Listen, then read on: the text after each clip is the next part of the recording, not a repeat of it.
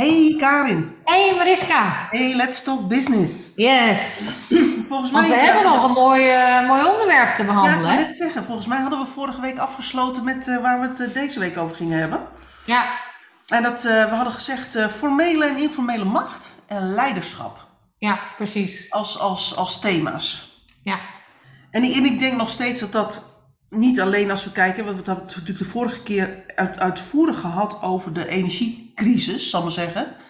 En de besluiteloosheid van, eh, van de Nederlandse politiek daarin. Ja. Maar ik denk dat dit ook iets is wat in heel veel organisaties speelt. ja, dat denk ik ook hoor. En ik, ik wil wel een voorbeeld noemen. Uit mijn praktijk als, eh, toen ik nog eh, interim, als interim manager bij organisaties werkte.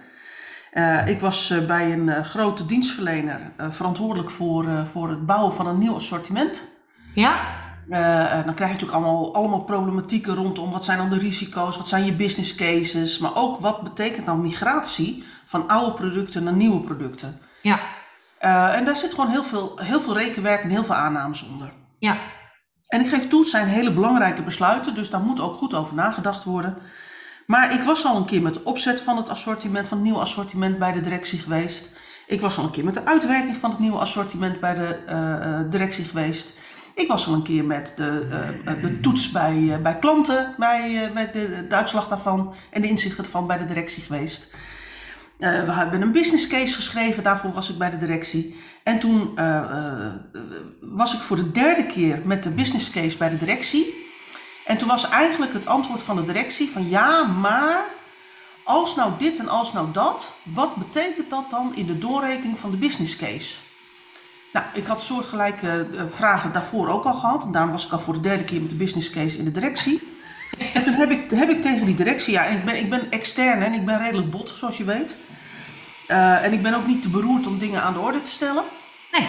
Altijd leuk. Precies, en toen heb ik tegen de directie gezegd van moet je luisteren. Ik wil met alle plezier deze variant nog een keertje doorrekenen. En eh, eh, de inhoudelijke persoon die ik bij het bouwen van het nieuwe assortiment heb, is een externe. Ik ben een externe. Er zit een externe rekenmonster op, zal ik maar zeggen. Wij vinden het allemaal prima.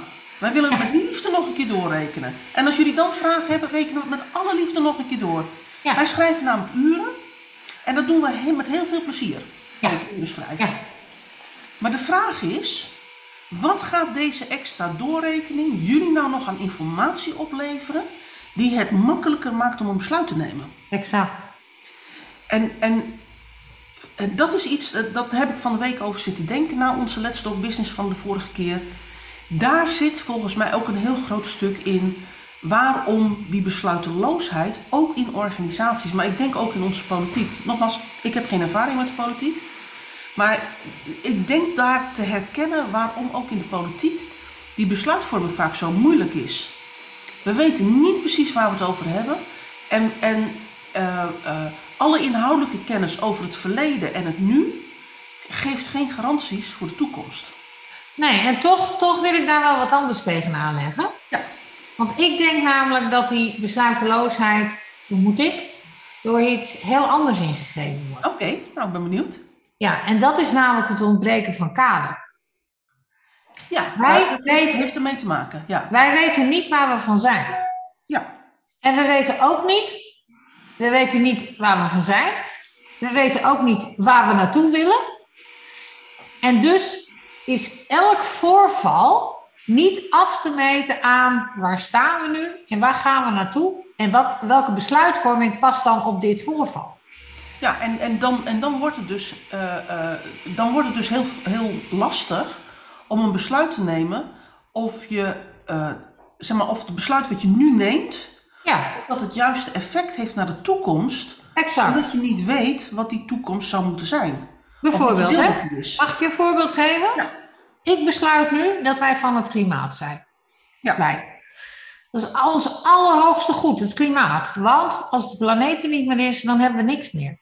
Dus daar begint het mee, daar eindigt het ook mee. Wij zijn als Nederland van het klimaat. Oké, nou hebben we een energiecrisis.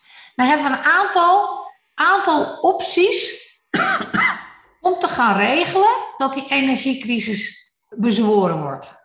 Is het bezweerd of bezworen? Nou ja, in ieder geval gehandeld wordt. ermee omgegaan wordt. En in dat kader moeten ook keuzes worden gemaakt.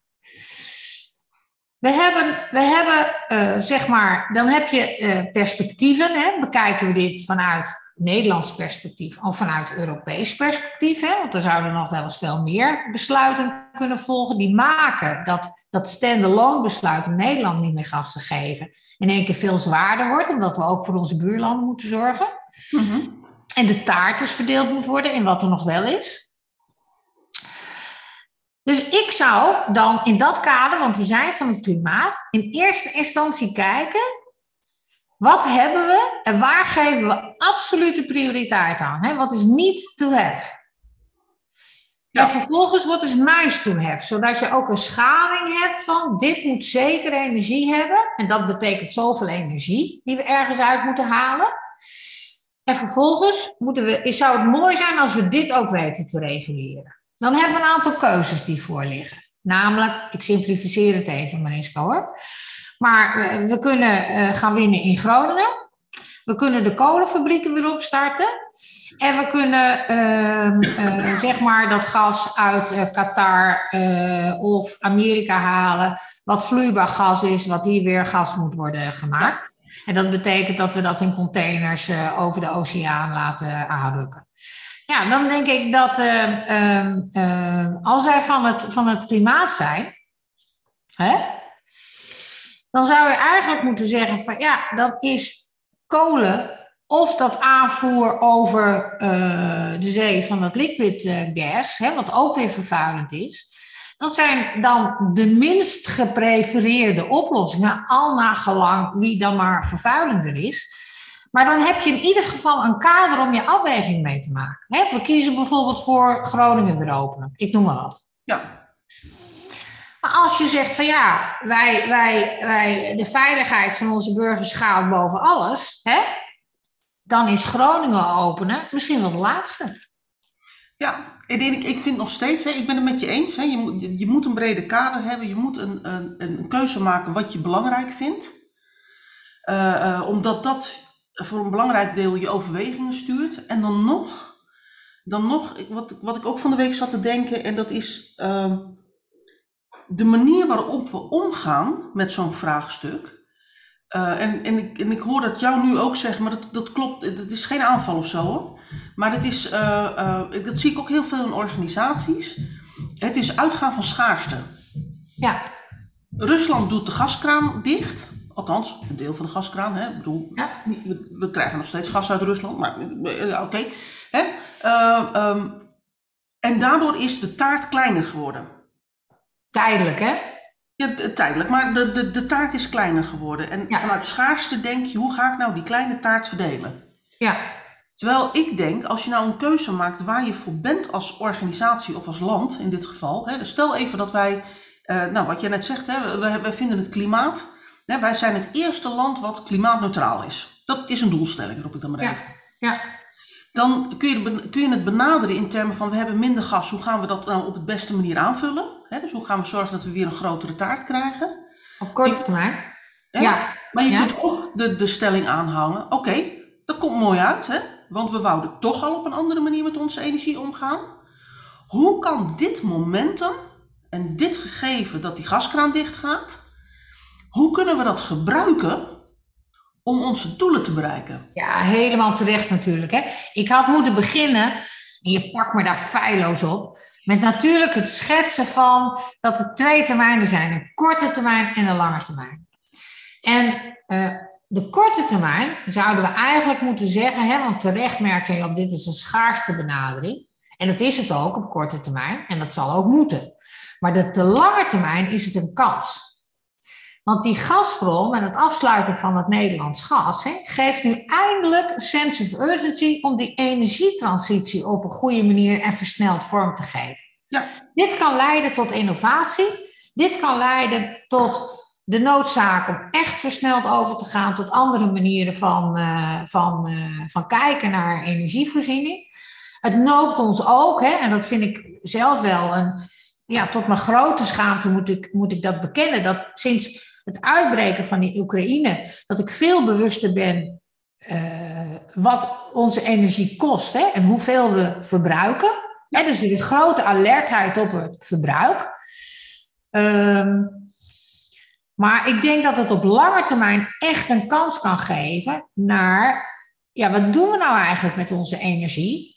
En, en waar zetten we het op in? Overigens, als ik dat eens even projecteer op de Nederlandse bevolking als uh, totaliteit, is de reactie, uh, uh, als we het hebben over de, de mobiliteit van ons als werkende forensen, er een die recht evenredig omge om, omgekeerd is. Hè? Ik bedoel, we zijn meer gaan rijden dan voor corona. We staan weer meer in de file.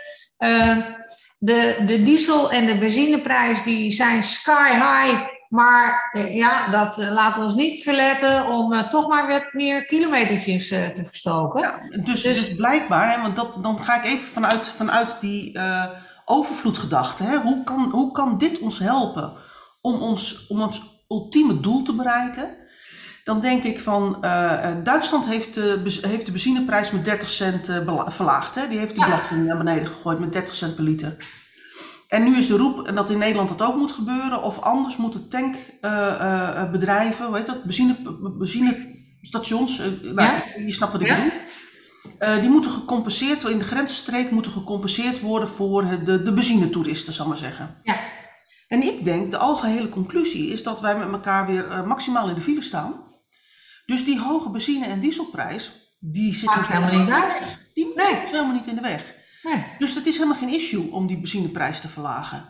Want we, we weten dat we met elkaar ook digitaal kunnen werken. Dat hebben we namelijk die 2,5 jaar in coronatijd met elkaar bewezen. En ik denk, uh, uh, benzineprijs niet naar beneden. Zet er nog maar een kwartje van, van Rutte bovenop dat kwartje van Kok. Precies.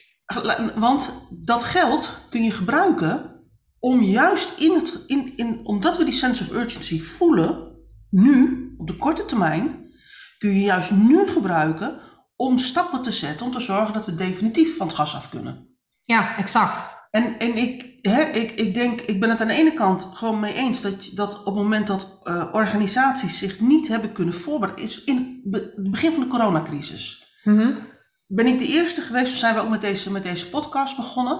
En ik ben de eerste geweest om continu te zeggen wat ongelooflijk stoer van de Nederlandse overheid. Dat ze zo ruim uh, bedrijven compenseren, tegemoetkomen, regelingen ja. treffen. Ja. Ik vind dat wat anders dan nu, nu zeg maar er een energiecrisis is. Want dat die energiecrisis eraan zat te komen, dat wisten we met elkaar al lang. Ja. En degene die dat niet wist, nou ja, sorry hoor, die verdient het ook niet om ondernemer te zijn. Ja, en de, de, de, dan denk ik gewoon, dat, ja, dan zak mijn panty af, zal ik maar zeggen. Nou, die heb ik ja. deze tijd van het jaar niet meer aan, maar, nee. maar het, het, het kan niet waar zijn dat je als energie-intensieve organisatie, als ondernemer of als bestuur op zo'n organisatie, niet al jaren de discussie voert: wat gaan we doen als we van het gas af moeten? Nou, en ik, en ik denk, ik zal het je wat vertellen. Nou? En ik denk dat dat maar heel beperkt is gebeurd. Dat mensen altijd hebben gedacht, net als met de corona, ja, het moet wel. Uh, of, nee, anders dan corona, want corona hebben we natuurlijk niet zien aankomen. Precies. Maar de, dit moet wel. En we zijn er ook wel mee bezig, maar wat het wordt, dat weten we helemaal niet meer. Einde discussie, uh, welkom passiviteit. En we gaan weer over tot de orde van de dag.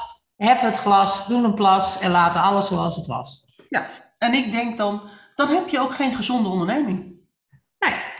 Ik, ik ben daar dan misschien heel bot in, maar dan denk ik van als je als ondernemer of als bestuur van een, van een energie-intensieve organisatie niet al jaren de discussie voert, wat als cruciale onzekerheid, wat als onze energietoevoer linksom of rechtsom onder druk komt te staan.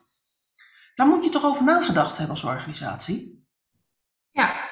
Dan moet je weten wat je te doen staat, waar, waar je, uh, en dan moet je op zijn minst al stappen in hebben gezet. Denk ik ja. dan.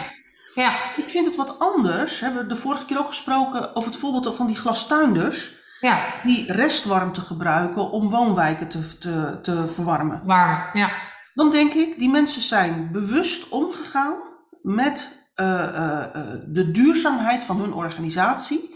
In samenspraak met hun omveld. Ja, De, hun stakeholders, de, de, de wijk waarbij ze horen, de gemeente waarin ze eh, eh, eh, zeg maar, hun Ja. organisatie voeren. En hebben samen met die stakeholders een oplossing gevonden om zo duurzaam mogelijk de bedrijfsvoering door te zetten. ja, klopt. Die ondernemers moet je maximaal belonen en stimuleren. Maar ondernemingen die er helemaal niets aan hebben gedaan, ja, dan denk ik van, die gaan we toch, niet, gaan we toch hopelijk met elkaar niet compenseren. Nee. En dan komen we weer op het punt, hè, en dan kom ik toch weer even terug op hè, waar we het de vorige keer over hadden: formele en informele macht en leiderschap. Wie in Nederland gaat nou opstaan om deze boodschap gewoon eens uit te dragen en te zorgen dat we met elkaar daar realiteitszin in te krijgen? Dat, dat compenseren geen stap vooruit is. Nee, exact. Compenseren is gericht op handhaven van hoe het was. Ja, Maar we willen toch helemaal niet hoe het was? We willen nou juist een transitie met elkaar doormaken. ja, exact. Ja, ik denk dat je hier ook een heel eh, mooie, eh, mooi inzicht eh, geeft.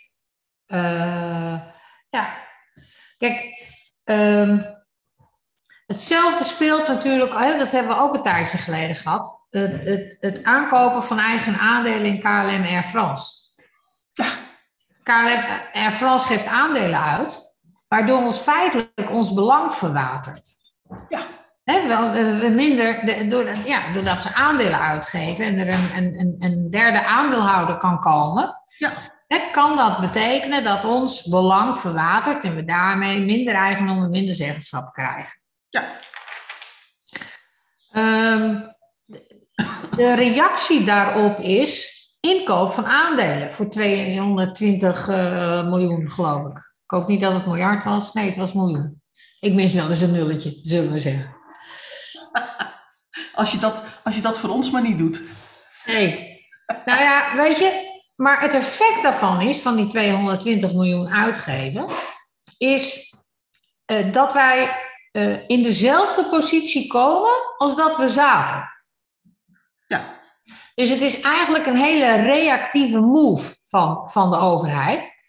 Eh, omdat er ook geen voorwaarden aan verbonden zijn in hoe wij nu meer zeggenschaps krijgen met, eh, met, bij KLM en Air France. Dus ik, ik vind de reactie van, van, ja, van toch de minderheid, van ja, dit, eigenlijk gooien we die 220 miljoen down the drain, vind ik wel wat hebben.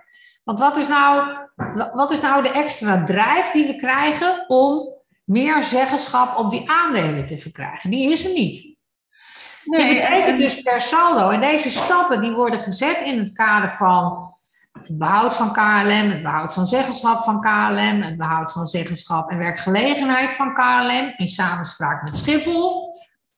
Ook alle verwonderlijke, want Schiphol die zorgt, eh, zorgt er eigenstandig wel voor dat de werkgelegenheid verdwijnt. En dat eh, de buitenlandse eh, zakenrelaties van mijn man geadviseerd te krijgen: don't fly via Schiphol. You can fly via Düsseldorf. Because uh, on Schiphol, they're on strike because of the uh, arbeidssituation. ja. Nou, dat is hoe wij internationaal onszelf op elkaar zetten. Ja, en, en terwijl dan nou net, nou net het belang, hè, waarom ook de overheid zo'n belangrijke stakeholder is of, of aandeelhouder is in Schiphol, is omdat, eh, dat is nog vanuit de gedachte Nederland distributieland. Hè? Ja, Nederland moest een mainport zijn voor, het, eh, voor handel, eh, waar mensen elkaar internationaal kunnen treffen. Hè? Als je met mensen nou op een internationale schaal voor een vergadering bij elkaar moet komen, dan zeg je, joh, waar ontmoeten we elkaar? Nou, laten we elkaar eh, eh, op Schiphol zien of in Amsterdam. Hè? Want dat, Ja. Maar vervolgens zie je dat die, die keuze wordt aan alle kanten ondergraven door de dagelijkse beslissingen en sturingen die we voeren. en. Amsterdam is nu hoofdstad Airbnb, zal ik maar zeggen. Ja, Dus je komt, er, je komt er niet meer in, je komt er niet meer uit. En een slaapplaats vind je al helemaal niet meer. nee, Want eh, je loopt tussen de, dro- de, de dronken vrijgezellenfeestjes van, eh, van mensen uit die uit Engeland komen aanwaaien. ja, Eh, Schiphol is niet meer te bereiken. Nou, je komt misschien nog wel aan, maar je komt er niet meer weg, laat ik het maar zo zeggen. En in tussentijd, en, en dat komt omdat de overheid als belangrijkste aandeelhouder Schiphol niet heeft gestuurd op de positie als mainport binnen Europa. nee, Schiphol heeft gestuurd op lage kosten. juist. En dat is een andere sturing dan die je moet hebben als je mainport wil worden voor zakenreizigers internationaal. Ja. Ehm, en, en- en ik, dus ik, ja, ik denk wat je zaait oogst je. ja. En Maar dat- dit- dat vraagt mij wel wel- af. Zien we nog de bigger picture, hè? Nou er ja, zijn- ik denk het niet. Nee, maar dat is dus ook het probleem, denk ik. Ja, en, en, dan, en dan komt het dus bij, en dan kom ik toch weer terug op formele macht, informele macht en leiderschap. Wou ik ook naartoe. Is dat, is dat er geen, eh, op papier is er wel formele macht, namelijk bij de regering en dus bij Rutte als voorzitter van de regering. Maar de informele macht, de werkelijke macht, ligt natuurlijk niet bij het kabinet. Nou, als ze leiderschap zouden hebben, misschien wel. Maar ik denk de facto dat je een punt hebt. Ja, Want, want de, de informele macht, door ambtenaren, door de Tweede Kamer, door de oppositie, door dat spel van checks en balances, met name, maar met name ook de ministeries en de ambtenaren die een grote vinger in de pap hebben, die maken dat er steeds vervolgbeslissingjes en besluiten genomen worden, die niet terug te brengen zijn op, in mijn voorbeeld, gaat dit nou toevoegen aan Schiphol als mainpoort? Ja. Of die, die, en die reflectie, die wordt vanuit het kabinet ook niet gevoerd. En dat kan je het kabinet denk ik kwalijk nemen. Ja, dat kan. En, en ik denk ook, hè, ik, ik, eh, er wordt in de, in de Tweede Kamer met grote woorden en hard, eh, hard eh, op, op de persoon ge- gediscussieerd. Hè? Want, Ja. Ik vind dat, dat als we het hebben over de verloedering van de debatten in de Tweede Kamer. Nou, daar zouden we een, eh, een, een, een hele serie met, eh, met podcasts aan kunnen, kunnen eh, wijden. Ja, Maar er is niemand die opstaat en in dit debat zegt van jongens, even serieus, waar zijn we nou eigenlijk mee bezig? nee, klopt. Moeten we het niet over de echte problemen van dit land hebben? Ja, Hè, en dat weet ik wel. Ik, ik heb ook wel een mening over een, een voorzitter van het bestuur, namelijk Rutte, die zelf beslist of, of zijn sms'jes wel of niet eh, zeg maar bewaard moeten blijven. Vind ik ook wel wat van. Want hoe kun je controleren over iemand die zelf beslist of die dingen bewaart of niet? eens. Dat, dat, dat, dat, daar kun je geen controle op uitoefenen. Maar ehm, eh, het maakt wel, en dan kom ik toch weer even terug op dat redeneren vanuit schaarste of vanuit overvloed.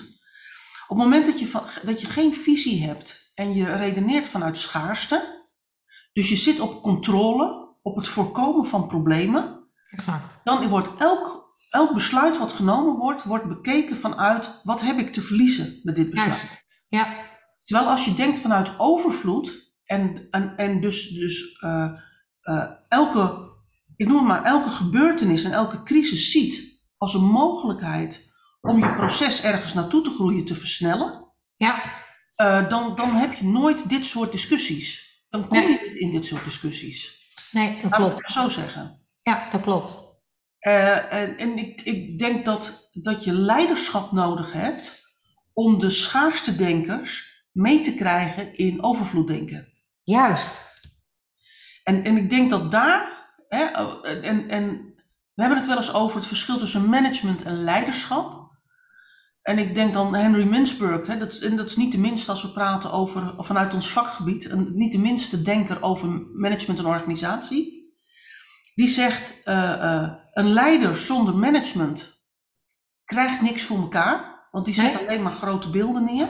Ja, Maar een manager zonder leiderschap weet niet waar hij naartoe moet managen. exact. En ik denk dat we in die valkuil zitten. Ja, dat denk ik ook.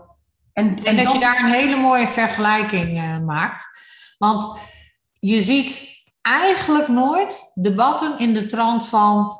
dit is het vergezicht, hè? ja, En vervolgens een dialoog over, als we het nou eens zijn over het vergezicht, hè?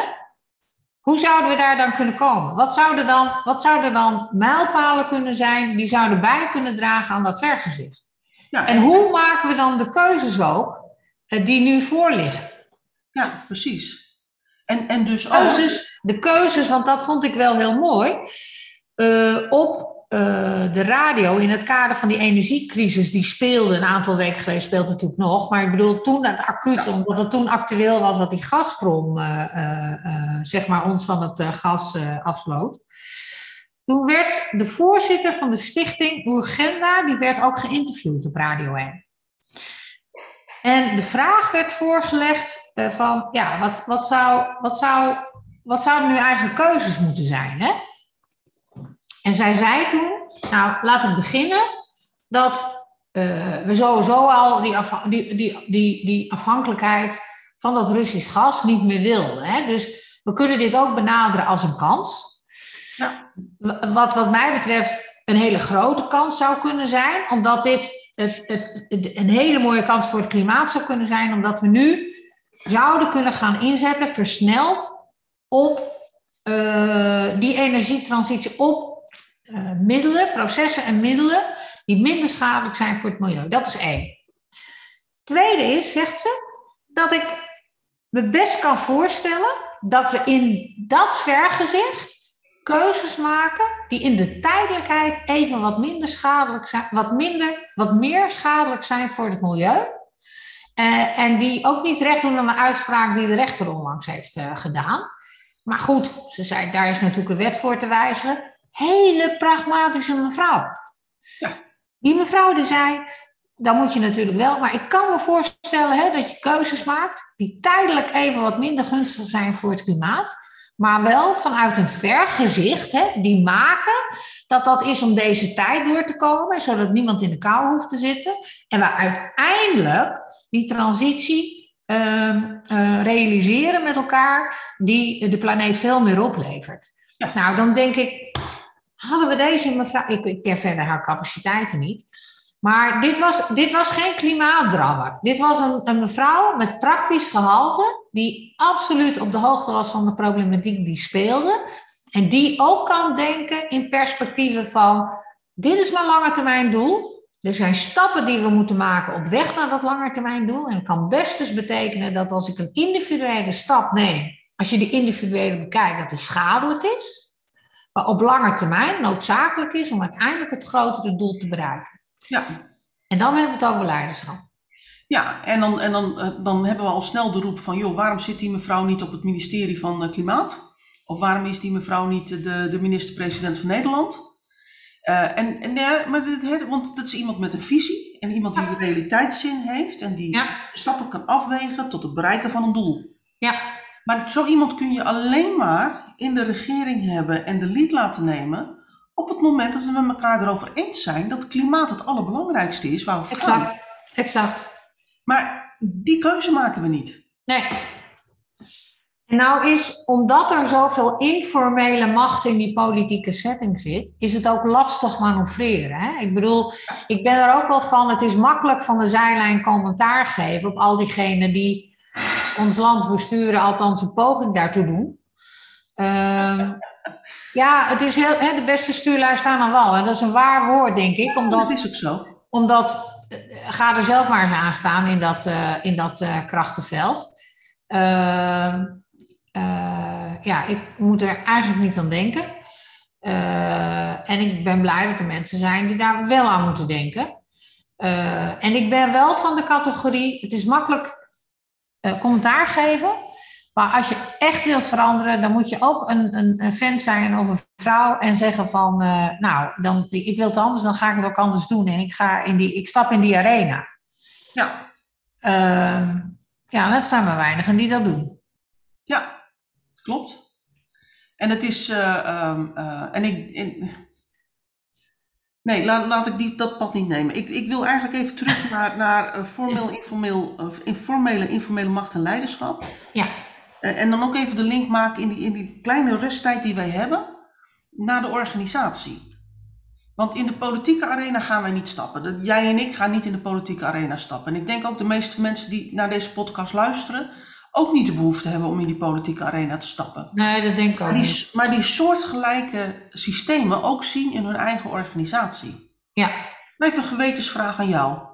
Als je nou niet aan de top van de organisatie zit, maar je zit in het middenveld van de organisatie. Ja. Je neemt dit soort structuren waar. Wat kun je dan doen? Wat voor tips zou je iemand geven? Ik zou, ik zou in ieder geval uh, vragen: hè, van de, dit, is, dit is de propositie die voor ligt. Hè, ik moet hier een besluit nemen. Maar het zou mij helpen als ik weet wat de koers is, of wat de stip op de horizon is van de organisatie, zodat ik mijn besluiten in, in dat kader kan nemen. Ja. En dus, dus uitnodigen om daarover na te denken als bestuur. Ja. Ja. Want het is natuurlijk, ja, het is wat lastig zeggen van nou, uh, joh, uh, weet je, ga jij je werk ook eens doen. Uh, denk eens na over een koers. Dan kan ik tenminste ook accelereren in mijn vak. Maar feitelijk is het wel wat, dat, wat er is. Hè? Want je kunt nooit als manager accelereren op het moment dat jij niet de randvoorwaardelijkheid van je functie hebt ingevuld. Ja. En de randvoorwaardelijkheid van een managementfunctie is wel dat, dat het bovenliggend kader helder is. Ja. En daar moet het bovenliggend gremium, namelijk de directie of het bestuur, voor zorg dragen.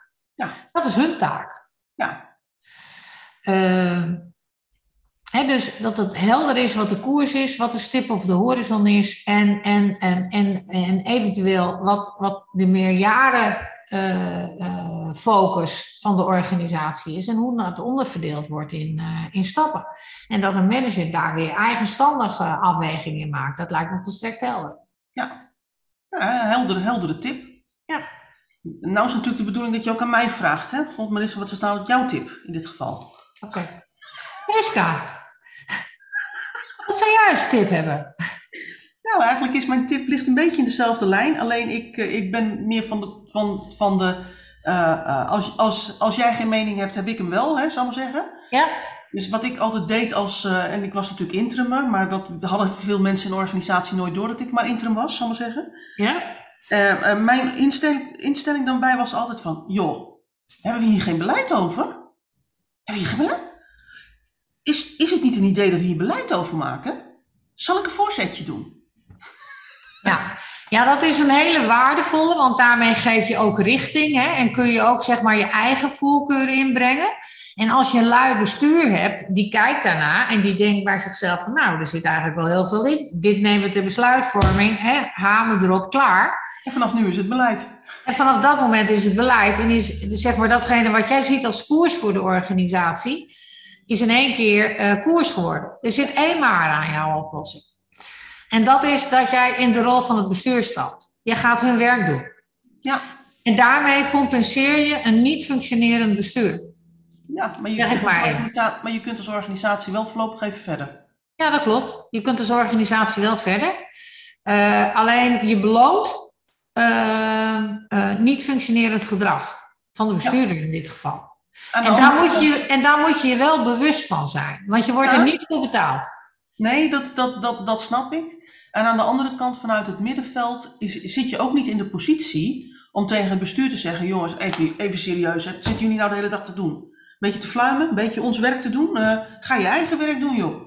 Ja, Stap op en, en, en laten we iemand aannemen die het wel kan. ja. In die positie zit je ook niet. Nee, dat klopt. Maar het, het is wel zo, hè, dus ik, en dat is altijd lastig hè, als je in dat middenveld zit. Want uh, zuiver zou zijn dat je zegt van ik heb behoefte aan een koers. Hè? Ja. Kan ik die van jullie ontvangen? Nou, je ontvangt het, dan kun je je werk doen. Ontvang je het niet of blijft dat maar uit, dan moet je eigenlijk als manager vertrekken. Omdat je daarmee de problemen in de organisatie zichtbaar maakt. Ja, En het ook voor een toezichthouder zichtbaar maakt dat zo'n directie feitelijk niet functioneert. Want daar komen vragen over. Waarom verdwijnen er steeds eh, van die managers? En dat zie je in organisaties. Hè? Managers, en managers zijn vaak heel lang, loyaal en trouw aan de organisatie. Eh, en blijven tegen beter weten in hun werk doen en compenseren op onderdelen ook het niet functioneren van directieleden. ja, maar ik moet wel zeggen dat in de praktijk is de stap om dan te zeggen van joh, ik ga weg, want jullie maken geen, geen toekomstbeeld, jullie hebben geen visie. Dus ik stap op, Ja? is een hele grote. En dan denk ik dat mijn, eh, de, eh, mijn tip toch ook iets is wat een hele mooie tussenweg geeft. Want je zet wel de discussie neer. En er moet over nagedacht worden in het bestuur. Eh, eh, en in tussentijd creëer je wel iets, een, een, stip waarmee je als organisatie aan de slag kunt. Zeker, het is een hele pragmatische, maar ik vind het wel belangrijk om dit vanuit een bedrijfskundig perspectief van de werking van de organisatie nog even neer te zetten. En overigens, de, de arbeidsmarkt is nu ruim. Hè? Dus je zult, je zult zien, en dat gebeurt al, dat uh, managers veel meer keuze hebben dan voorheen. En daarmee ook voor hun de ideale situatie opzoeken waarin zij uh, het beste kunnen functioneren. Nou, met deze wijze woorden gaan we ook deze Let's Talk Business weer afronden. Want we zijn alweer ruim over het half uur heen. Nou, Eh, en, eh, maar ja, we hebben altijd zoveel te vertellen. ja, nou, we spreken elkaar de volgende keer weer. Yes, en dan hebben we vast wel weer een mooi actueel onderwerp. Ik denk het ook wel. Hey, tot dan, Oh. hè? Hey, doei doei!